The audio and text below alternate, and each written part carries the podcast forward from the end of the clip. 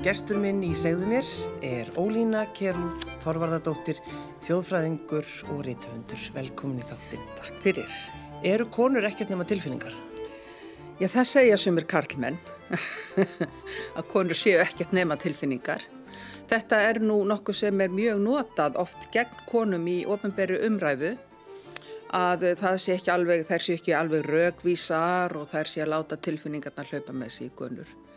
En það eru nú ekki konur sem að hafa staðið fyrir stríðum og styrjöldum heimsins og það eru ekki konur sem hafa staðið fyrir útrýmingarherrferðum eða þjóðar ofsóknum. Það er fórseti í bandaríkjónum núna sem er ekki kona en hefur farið mikinn.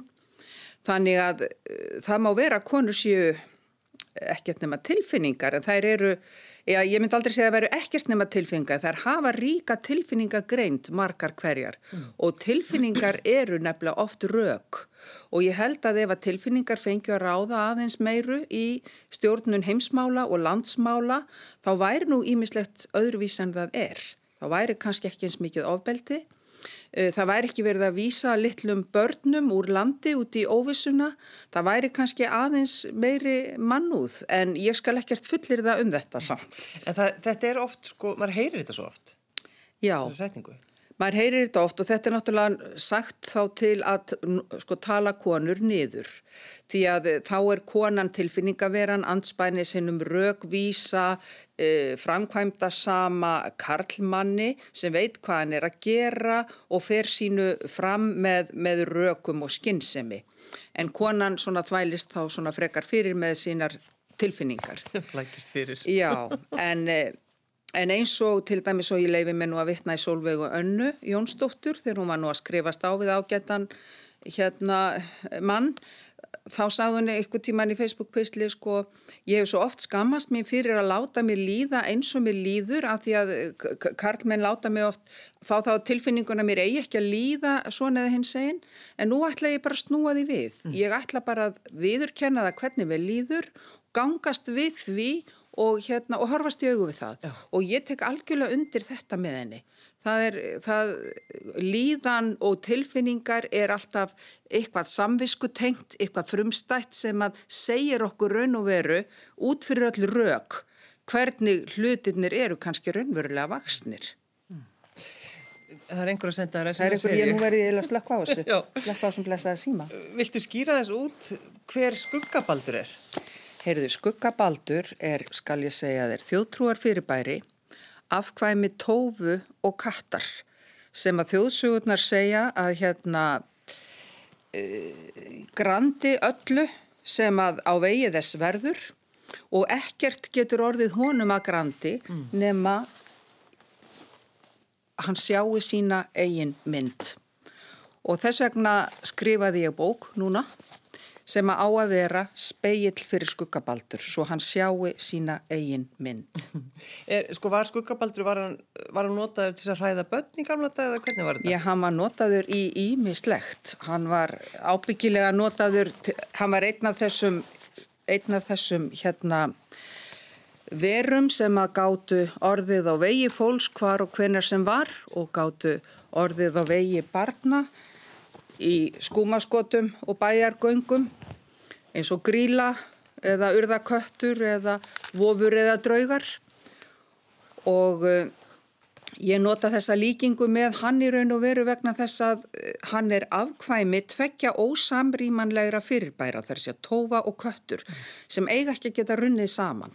En þegar afsprengið er komið að þá verður úr yllviðráðanlegt afl. Já. og þetta er það sem ég sé í pólitíkinni á Íslandi og í samfélagi okkar þegar hagsmunaöflin renna saman við til dæmis stjórnmálaöflin og stjórnsísluna taka höndum saman um uh, sérhagsmunagæslu, um að tryggja vald peningana og tiltekina pólitískra hérna, áhrifa uh, undir yfirskinni þegar þar sem að sko, stjórnsíslan og fagmennska og, og, hlut, og hlutlausari aðferðir ættu að tryggja kannski aðra nýðurstöðu eins og kemur fram í bók Ellert Skram sem er æfisugunni hans nýju sem er að koma út núna þegar hann var ungur embættismæður hjá Reykjavíkuborg og fólk var að sækja um byggingalóðir þá var umsóknarlistin tekinn og það var farið með hann upp í Valhöll í höfuð víi sjálfstæðisflokksins til þess að tryggja það að ákveðnir sjálfstæðismenn eða helst bara sjálfstæðismenn sætu fyrir um loðaútlutanir. Er hann að tala um þetta í bókinu? Hann, þetta kemur fram í hans nýju bók og ég rek í mig svona dæmi líka í minni bók.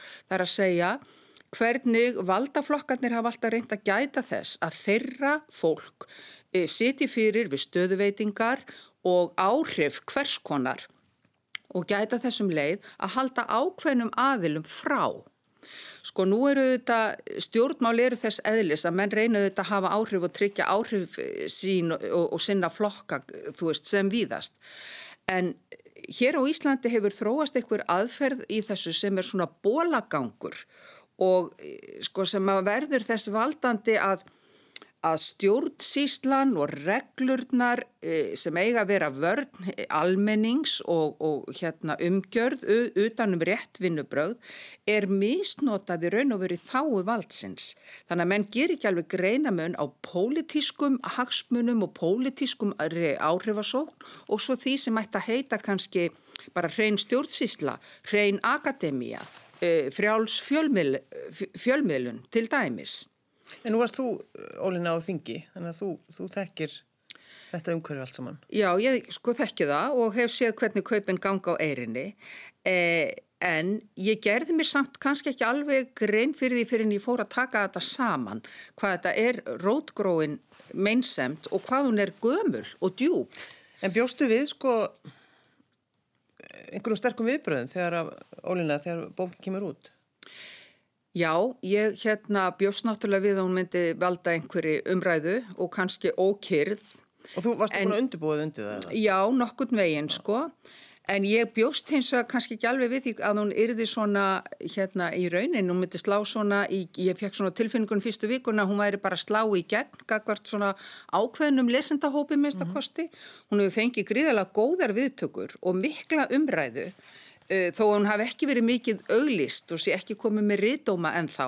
Þannig að ég bara get verið þakklátt fyrir það en ég bý mig auðvita undir það að það geti komið líka umræða af einhverju tægi og svona óhag, óhagfældara tægi um hana vegna þess að hún stingur á mörgum kílum þessi bók og það eru ímsi nefndir í þessari bók og aðkoma þeirra að málum í gegnum tíðina sem að sjálfsagt eru mér ekki mjög þakkláttir fyrir að rifja það upp. Það er eflust eftir að svara, að svara því og þeir eru svo sem kannski byrjaður. Já, já, einn er nú byrjaður, já, já. já, já. En uh, hefur alltaf haft áhuga á stjórnsýslunni? Já, ég hef alltaf haft áhuga á samfélaginu og samfélagsgerðinni og leikreglunum í samfélaginu og svo hefur maður náttúrulega hef ég sem kona náttúrulega rekið mig á ýmsar hindranir og veggi.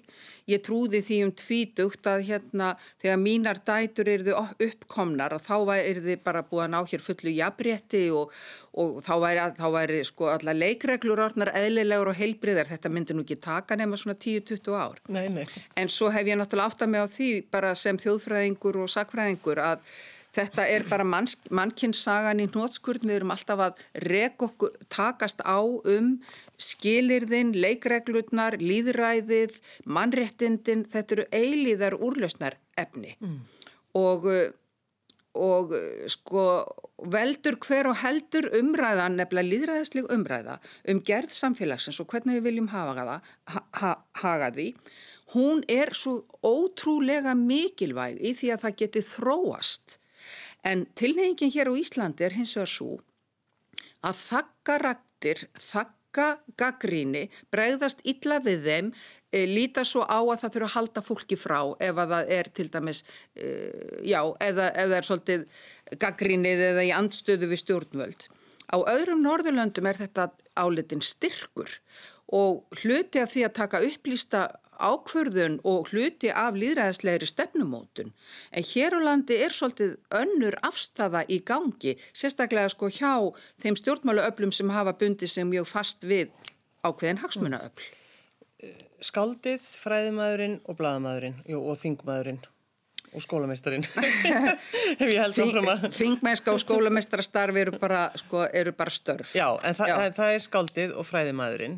Já, já, og svona... bladamæðurinn eins og bara í rauninni ef maður skoðar þessa bók sem þú varst að gefa út þetta er svona bladamæðurinn poppar hann upp Já, Hvar byrjaður í bladamennsku? Sko ég byrja, já, ég nefnilega byrjaði sem bladamadur mjög ung. Ég var ekki nema, ég held ég að byrja 1983 eða 4.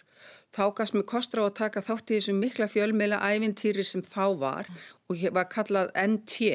Það var þegar framsóknarflokkurinn hérna, þegar uh, gerði var tilrönd til að íta framsóknarflokknum aðeins frá útgáfu tímans, frá því að hafa sko flokksfjölmiðil, yfir það að stopna nýtt og óhátt blað, óhátt blað sem kalla var nýju tíminn og, og, og hérna skamstafað NT. Já, já. En það æfintýri stóð nú ekki nefn í tvö ár og framsóknarflokkurinn hann let sér nú ekki vel líka þessa frjálsu bladamennsku á þeim tíma.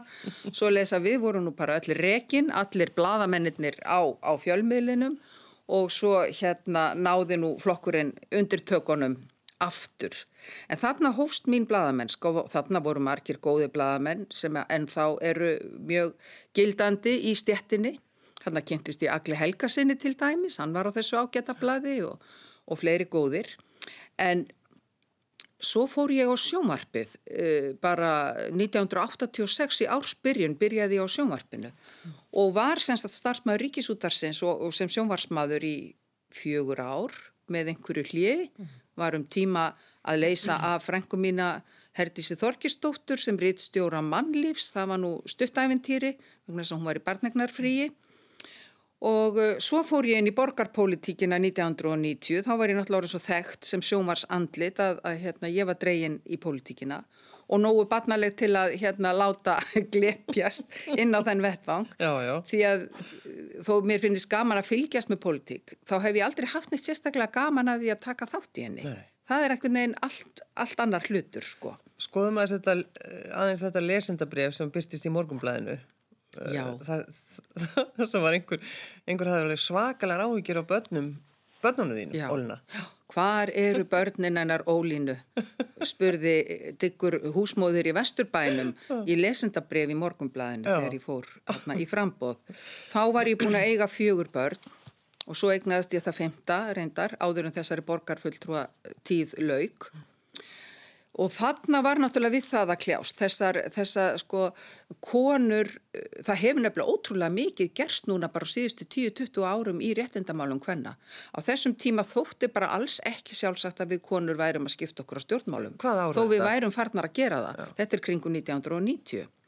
Og þó að við værum all margar komnar inn á fram á sjónasvið á þessum tíma, þá voru við kallaðar einnota stjórnmálamenn, uh, það var það náttúrulega tilfinningarökin voru notið gegn okkur, uh, mér var leið á hálsi fyrir það að hafa mætti sjómarsþátt þar sem sást í hnén á mér og það var látið heita að ég síndi á mér lærin, sko það var ykkur, þingma, ykkur þingkona, það var sagt að sem var aðeins þingri en ég, það var talað um að hún hefði hlunkast upp í ræðustóli eins og mammútur, sko svona orð, orðræða var notuð um konurnar. Það var reynd að fara í líkamlega hluti, kynferðislega hluti, tilfinningarlega hluti og svo þegar allt um þraut þá voru við náttúrulega frekjur og erfiðar í samstarfi og hérna sko og, ger, og svona gríluvættar. Mm. Svo frábær líka, hver, hver elskar ekki gripu stimpilinn? Já, segðu, og frekju stimpilinn. Þetta fá, sko. En til allra hammingju þá eru nú félagsvísindamenn farnir að rannsaka þetta með orðræðu greiningum. Hvernig þessi umræða hefur sko munstrið í henni og sko það verður auðveldara fyrir konur held ég nú orðið að takast á við þetta vegna þess að það er bara átt að sjá því þegar þetta er tekið saman að þetta er kerfislægt mm. og mér finnst Solveig Anna Jónsdóttir til dæmis hafa gert það ljómandi vel í sínum sörum við Bjarn, Bjarnason til dæmis þar sem hún bara svarar fullum hálsi og gengst við því að vera svo sem hún er, já, já. hafa sínar tilfinningar og sínar skoðanir Og ég held að það sé líka svolítið þetta að draga upp speilin og vitna... sína viðmælandanum hvernig hann talar. Já, sko, sko þú, í, það er kapli í bókinni sem þú kallar orðuræðan um konurnar og þar vittnar í Erluhuld Haldórsdóttur. Já. Það sem hún segir eða mitt, hvern fyrir leitningin á sér langa sög og það er grunda á henni. Já. Hún byrtist til dæmis í því að konur eru sniðgengnar og þakkaðar, talaða niður, vitsmunir þeirra dregnir í efa, þær eru sagðar snaróðar, röttin í þeim er ómöguleg, Þar stjórnast að tilfinningum en ekki karlægri rögvísi. Það eru dæmdar á útlitinu, eru ímest svo ljótar að engin karlmaður vil líta við þeim eða tálkvendi sem vefja rögvísum, körlum um fingur sér. Já. Svo hlægi bara. já, já, já, því þetta, sko, en þetta er bara, þetta, þetta er rauninni, þetta er kjarnumálsins og það er um að gera, sko, að, að tala um þetta og, og draga þetta upp á yfirborði svo að fólk bara átti sig. Það er alveg eins með þetta eins og umræðu um, um hérna, já, bara blökkumenn og ímsa minni hluta hópa, sko, neikvæð orðræða oft er bara galdurinn sá að draga hana fram og sína hana og jafnvel snúinni við. Alveg eins og þegar menn sögðu black is beautiful, Já, já, já. þú veist. Já, Þetta er ótrúlegt. Það er svo margt, það er svo margt sem betur mætti fara í svo já. blessaða lífi. En En það er náttúrulega hlutverk að því þú spurðir um sko rittöfundin, fræðimennin, bladamannin. Það er náttúrulega hlutverk þessara, allra þessara, uh, stjætta eða, eða, já, þátta í samfélagi okkar að varpa ljósi á samfélagslegar minnsemdir, draga þær fram og, og leiða umræðu. En til þess að það sé hægt að verður náttúrulega að vera skoðanafrelsi í landinu og fólk má ekki eiga það á hættu að því sé refsað með atvinnumissi eða útilokun fyrir það að tala upphátt. Sko tjáningafrelsi og skoðanafrelsi eru stjórnarskrarbundin réttindi e, í öllum líðfrjálsum ríkjum og við lifum ekki frjálsu landi ef að við eigum þá hættu að megi ekki hafa skoðanir á því sem fyrir ber í þjóðlífinu án þess að eiga á hættu að, til dæmis afkomi ofbeldi á, á borðið útilokun eða það sem kallað er berúfsferbót. Mm. ég er svolítið eins og konan skrifaði morgunblæði sem hefði ágjör börnunum þínum. Langar svo að vita, Ólína, uh, fimm börn. Já, ég var náttúrulega barn þegar ég átti fyrsta barni mitt. Ég var ekki nema 16 ára þegar ég varð ólétt að honum og nýjórðin 17 ára þegar hann fættist. Þannig að þú, Ólína Kjærúl, átt 40 og Fimm ára gamla- gamlan son. gamlan son. Já, og hann er búin, ég segi sko, hann er löngu búin að ná mér. fyrir lifandi Já, já, já. En sko, 16 ára, var þetta, var þetta mikið neyksli eða? Já, já, já, þetta var nú, þetta var skandall í bænum sko og umtala, þetta var slísafang eins og ég hef stundum kallað það, eins og bændunir segja um gimbratnar þegar það fá óvart, verða óvart lampfullar. Slísa fólk. Já, en hann er indislegur og hann er náttúrulega, ég er mjög stolt af þessum strák, hann býr vestur og Ísafyrði og á þar konu og þrjú börn og er gegn samfélagsþegn. Svo náttúrulega, sko, þegar ég var í háskólanum, þá bara röðuðist á mig þrjú börn á þremur árum. Og saga mín, uh, Ma Matti mín og Pétur minn, Magdalena og Pétur. Og uh, þau voru svona litla búntið mitt sem að ég var með þarna í borgarstjórnarkostningunum hérna 1990 og var ég með þessi fjögur börn. En sko, þrjú á þreymur árum, þetta Já. er náttúrulega, ég segi bara, það er meirinn að segja það. Já, það er meirinn að segja það, en þetta er indislegu tími og þegar ég hugsa tilbaka, þá er þetta nú bara, sko, það, það bjartast yfir þessu, þessu minningum í mínu lífi, það er uppeldi þessara barna minna. En að vera endalust, sko, óléttur. Já, já, já, það var svolítið, ég var svolítið ólétt þarna í, í þrjú ár, alveg frá 82 til 85 Já. Og hérna, og allar myndirnar sko sem eru til af börnunum, þau voru svo ripp-rappuru Já, einmitt. og voru meiri sér settar á, það, svona, á þau svona derhúfur eins og þau áttu, eins og þeir áttu hann andrisar ungarnir í tegnumyndunum. Já, já. Svo átti ég, svo 1994, þá eignaðist ég yngstastrákin minn, Andris Hjörvar, sem er núna að verða 26 ára gamall, ungur háskólanemi. Þannig að þú hugsa, já, fámgur eitt í viðbót. Ég, sko, ek, svo segi nú eins og konan þessi sem átti tíu börnun og sagðist aldrei hafa verið mikið fyrir börn. Sko, ég ætlaði náttúrulega sá mig aldrei fyrir mér sem svona margra barna móður. Nei. En öll mín börn voru afskaplega velkomin þegar þau voru komin í móðurkvið og hérna, og ég er þakklátt fyrir þau öll, mjög. Og nú hafa þessi börn mín gefið mér e, sex barnabörn og það eru tvö á leiðinni um hátíðarnar til viðbótar. Þannig að mér líður bara ljómandi vel að fylgjast með þessu. Og ég er ekki alveg komin með þessa tilfinningu að ég sé kartöflumóðir, ekkert sérstaklega byrjuð að, að láta undan. En, en svona sjónrænt sé ég það samt svolítið þannig fyrir mér. já, en eh, sko, ertu stundum, Ólína, þú bara hugsaður um, einmitt um það, þú veist, ég á fimm börn, veist, þetta er eitthvað svo stórkostlegt. Ég er mjög djúft þakklátt fyrir það. Og ég er það þakklátt fyrir að ég get eiginlega ekki mikið talað um það sko og hérna það er ótrúleg, það er ótrúlega góð tilfinning að hérna sjá lífsitt halda áfram í, í afkomendunum. Og ég gerir mig líka grein fyrir því að, að það er ekki hlutskipti allra og það er heldur ekki val allra og við megum heldur ekki gera lítið úr því að sumir velja hreinlega að ganga barnlausan veg og Já. það er val. En ég er mjög sátt við minn hlut og þakklátt fyrir minn hlut. Mm. Og mér finnst skipta líka máli og mér finnst það líka mjög gefandi að eiga sko þegar maður er alveg upp aðra mannesku eða að bara eiga samleið með annari mannesku sem er að mótast við hliðin á mann og undir vendarvagnum. Þú veist, að ræða við ungt fólk sem að vakna til vitundar um samfélagið, um lífið, um tilfinningar í garð annara, um samskipti sín. Að bara þetta er svo mikið trúnaðar hlutverk að fá að koma að mótun annara mannesku og auðvitað gerum við mistök og okkur hefnast þetta misjaflega vel og ég hef ábyggilega gert mín mistök eins og margir en ég er alveg ótrúlega þakklátt fyrir börnum mín og, og þakklátt fyrir það líka hvað þau hafa fengið gott veganesti bara frá fæðingu. Þau hafa nefnilega kent mér mikið líka, börnum mín og það er mjög lærdámsríkt að vera uppalandi. Þú veist, maður lærir svo mikið sjálfur, maður mótast líka með börnunum sínum. Þannig að þetta er mikil guðskjöf ja. og þó ekki væri fyrir neitt annað en þetta þá væri ég, sko, myndi ég líta glöð og stolt tilbaka Ritthundurinn þegar ég spurði, spurði þið áðan Ólina, hvert er búin að skrifa marga bækur? Þá varst alveg, mmm, yeah. næs heyrðu, já, býttu fletti, fletti bókinniðni, jú ég er búin að skrifa þessar sex bækur. Búin að skrifa sex, sko, þetta er sjönda bókin mín sem er að koma át núna. Já. og þetta er nú allt svolítið ólíkar bækur eða margar hverjar, sko Ég byrjaði nú á því að skrifa æfisugu, svo æfisugu Bryndisa Skram, svolítið fyndið. Hún var undir titillin og henni var lífsaga Bryndisa Skram og hún var 50 sko. Já. já og búin að skrifa tvær síðan sjálf sko. Já, já, nákvæmlega. Svo hérna, svo kom ég, svo kom nú út hérna Sagnasapn eftir mig þjóðs, bókum þjóðsugur og ævintýri með miklum fræðilegum formála. Svo hef ég gefið út eina ljóðabók, frjárfræðibækur og svo braust bladamadurinn fram í mér núna þegar með þessari bók, Speill fyrir skuggabaldur. Mm. þegar mér fannst orðið tímabært að varpa ljósa á það hvernig hvernig hérna atvinnubann og misbeiting valds fær að þrýfast í íslensku samfélagi.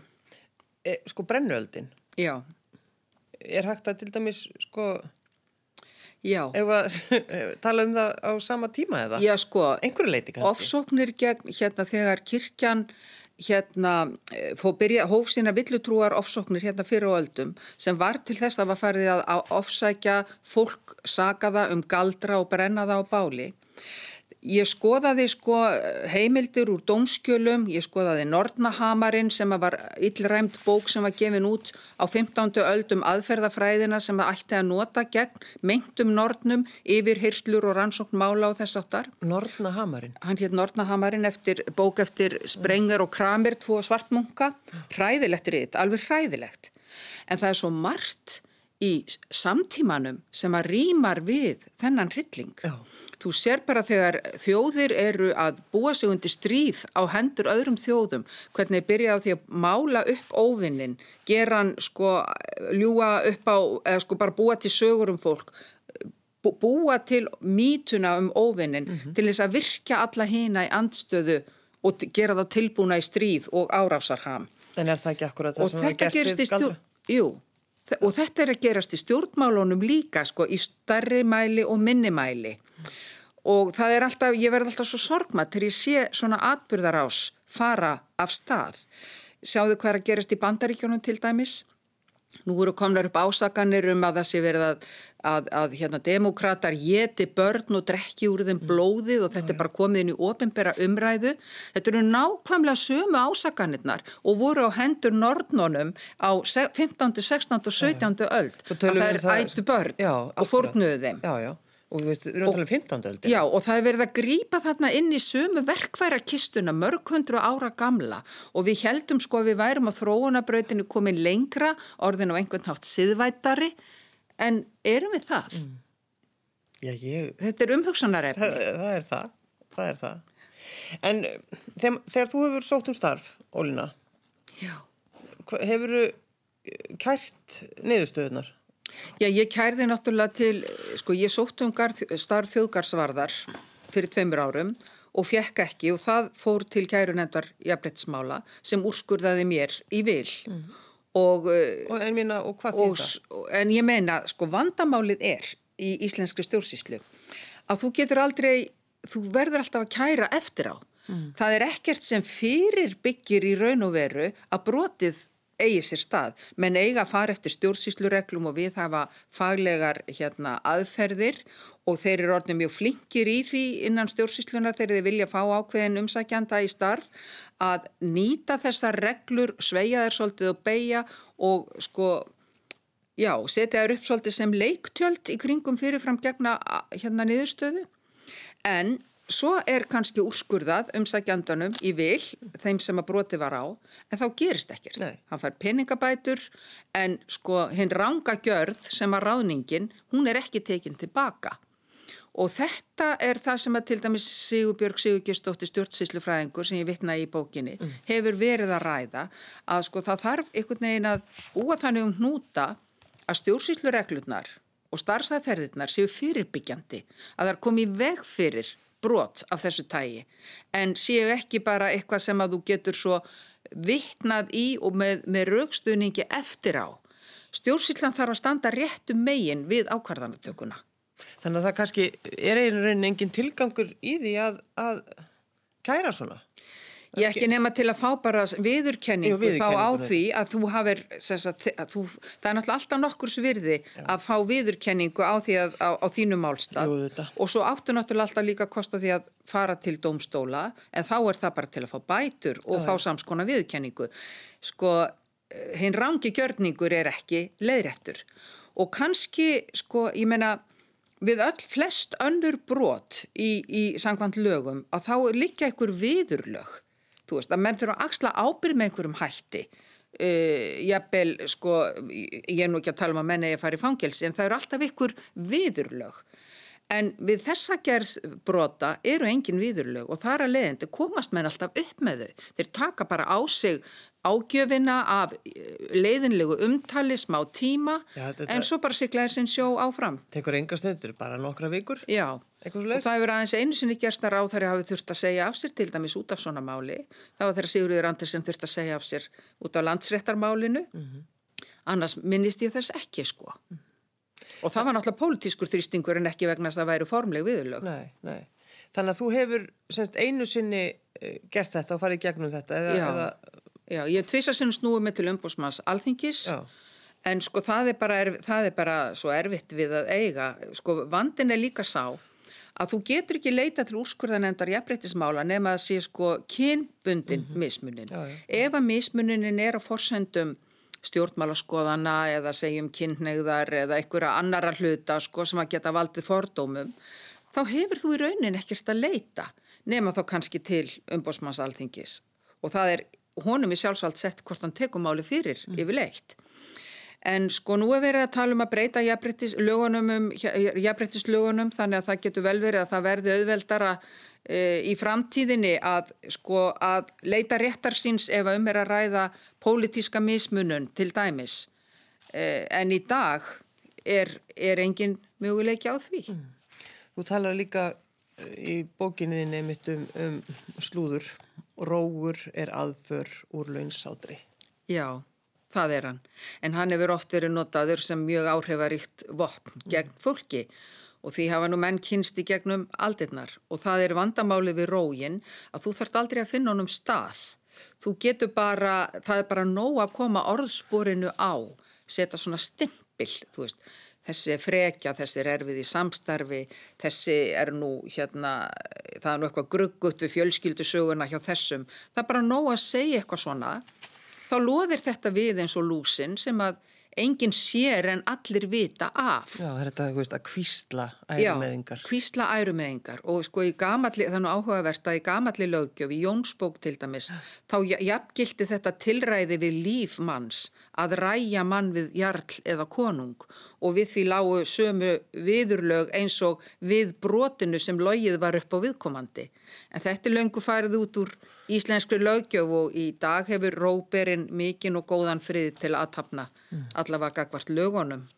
En þetta er náttúrulega kannski, þetta er náttúrulega svona gott verkfæri til þess að útskúfa fólki og losa, okkur, við eitthvað fólk. Já, og þetta náttúrulega vissu þeir í, hjá Þriðja ríki og Þíska ríkinu hér á 20. öld, fyrirluta 20. aldar þegar verið var að skapa andrúmsloft döðans eins og það var kallað. Já, já, þegar menn voru bara ræðir í burtu og séð til þess að þeir kæmust hvergi að.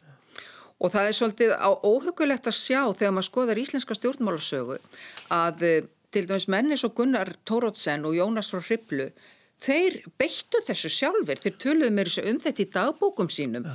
hvernig átti í raun og veru að, að hérna, nýta þessar aðferðir, agitasjón og fleira, sko til þess að koma sjónamiðum að og til að halda ákveðnu fólki, koma, á, hald, koma ákveðnu fólki á postana og halda öðrum frá. Já. Þannig að þetta hefur verið, þetta er svona ykkur stjórnmála menning sem hefur verið við líði og var, sko, er í raun og veru viðurkent innan gæsalappa þó hún sé ekki sko upp á yfirborðinu í raun og veru. Sko Ólina, er. Bakutjöld. Já, en það... Kaplarniðin er heita svo skemmtilegum nöfnum. Það er svona kemur, svona skáldið kemur hann ansi sterk inn. þetta er ekkert... Takkaði fyrir það. Já, þetta er ekkert hérna, þetta er engin, ekkert kæruleysi hér, sko. Nei, sko, Já, já, ég hef alltaf haft mjög gaman að því að skrifa og... Ragval og fristni vandi. Já, það eru reyndar, það eru orð sem að ég fæ hjá henni Sigurbyrgu Sigurkistóttur. Hún hefur notað þessi hugtök í greinum sem hún hefur skrifað um íslenska stjórnsýslu. Já. Mér fannst þau svo ágætt og lýsandi einmitt þessi orð. Ragval og fristni vandi. Þetta eru náttúrulega, þetta eru bara tvö hugtök sem eru í raun og veru lýsa raunverulegum vanda inn í íslensku stjórnsíslu að þegar sko samkeppnin eða þegar máli snýst allt um það að raða á postana í kringum sig, já fólki og tryggja áhrif og þá ertu í raun og veru, þá er það ekki hæfni og mentun og, og geta sem að ráða því hvort að fólk fær starf eða kemst til áhrifa, heldur er það flokkskýrteinnið og, og, og fylgnin við fóringjan. Mm. Og þegar þú ert farin að sortera með þessum hætti alltaf frá, þá ertu farin að íta frá hæfileikonum, getunni og atgerfinu en, en sko búa til miklu veikara, veikari stjórnsýslu og veikara samfélag. Ertu búin að fá einhverja hattuspósta eftir að bókin kom út óluna? Já, já, ég hef náttúrulega fengið tvo hatturspósta. Er það? Já, en... Eh, Svo hlægi bara því? Já, já, já, ég hef nú, sko, ég hef nú fengið ekki. af og til já, slíka í gegnum tíðina og hérna... Og sjóuð? Já, sko, já, það byrja, sko, það er nú bara þannig að ef að fólk er ykkur stær í umræðinni og, og sest í blöðum eða, eða ljósvakamiðlum að það vekur undarlegar kvatir hjá veiku fólki oft. Mm sem að brjótast fram. En eh, ég hef fengið, eins og ég segi, líka alveg ótrúlega sterk og góð viðbröð og ég, það gleður mig í rauninni hvað bókin hefur vakið sko, mikla og uppbyggilega umræðu í kringum mig. Ólína Kjærúlf Þorvarðardóttir, takk fyrir að koma. Já, takk fyrir að bjóða mér.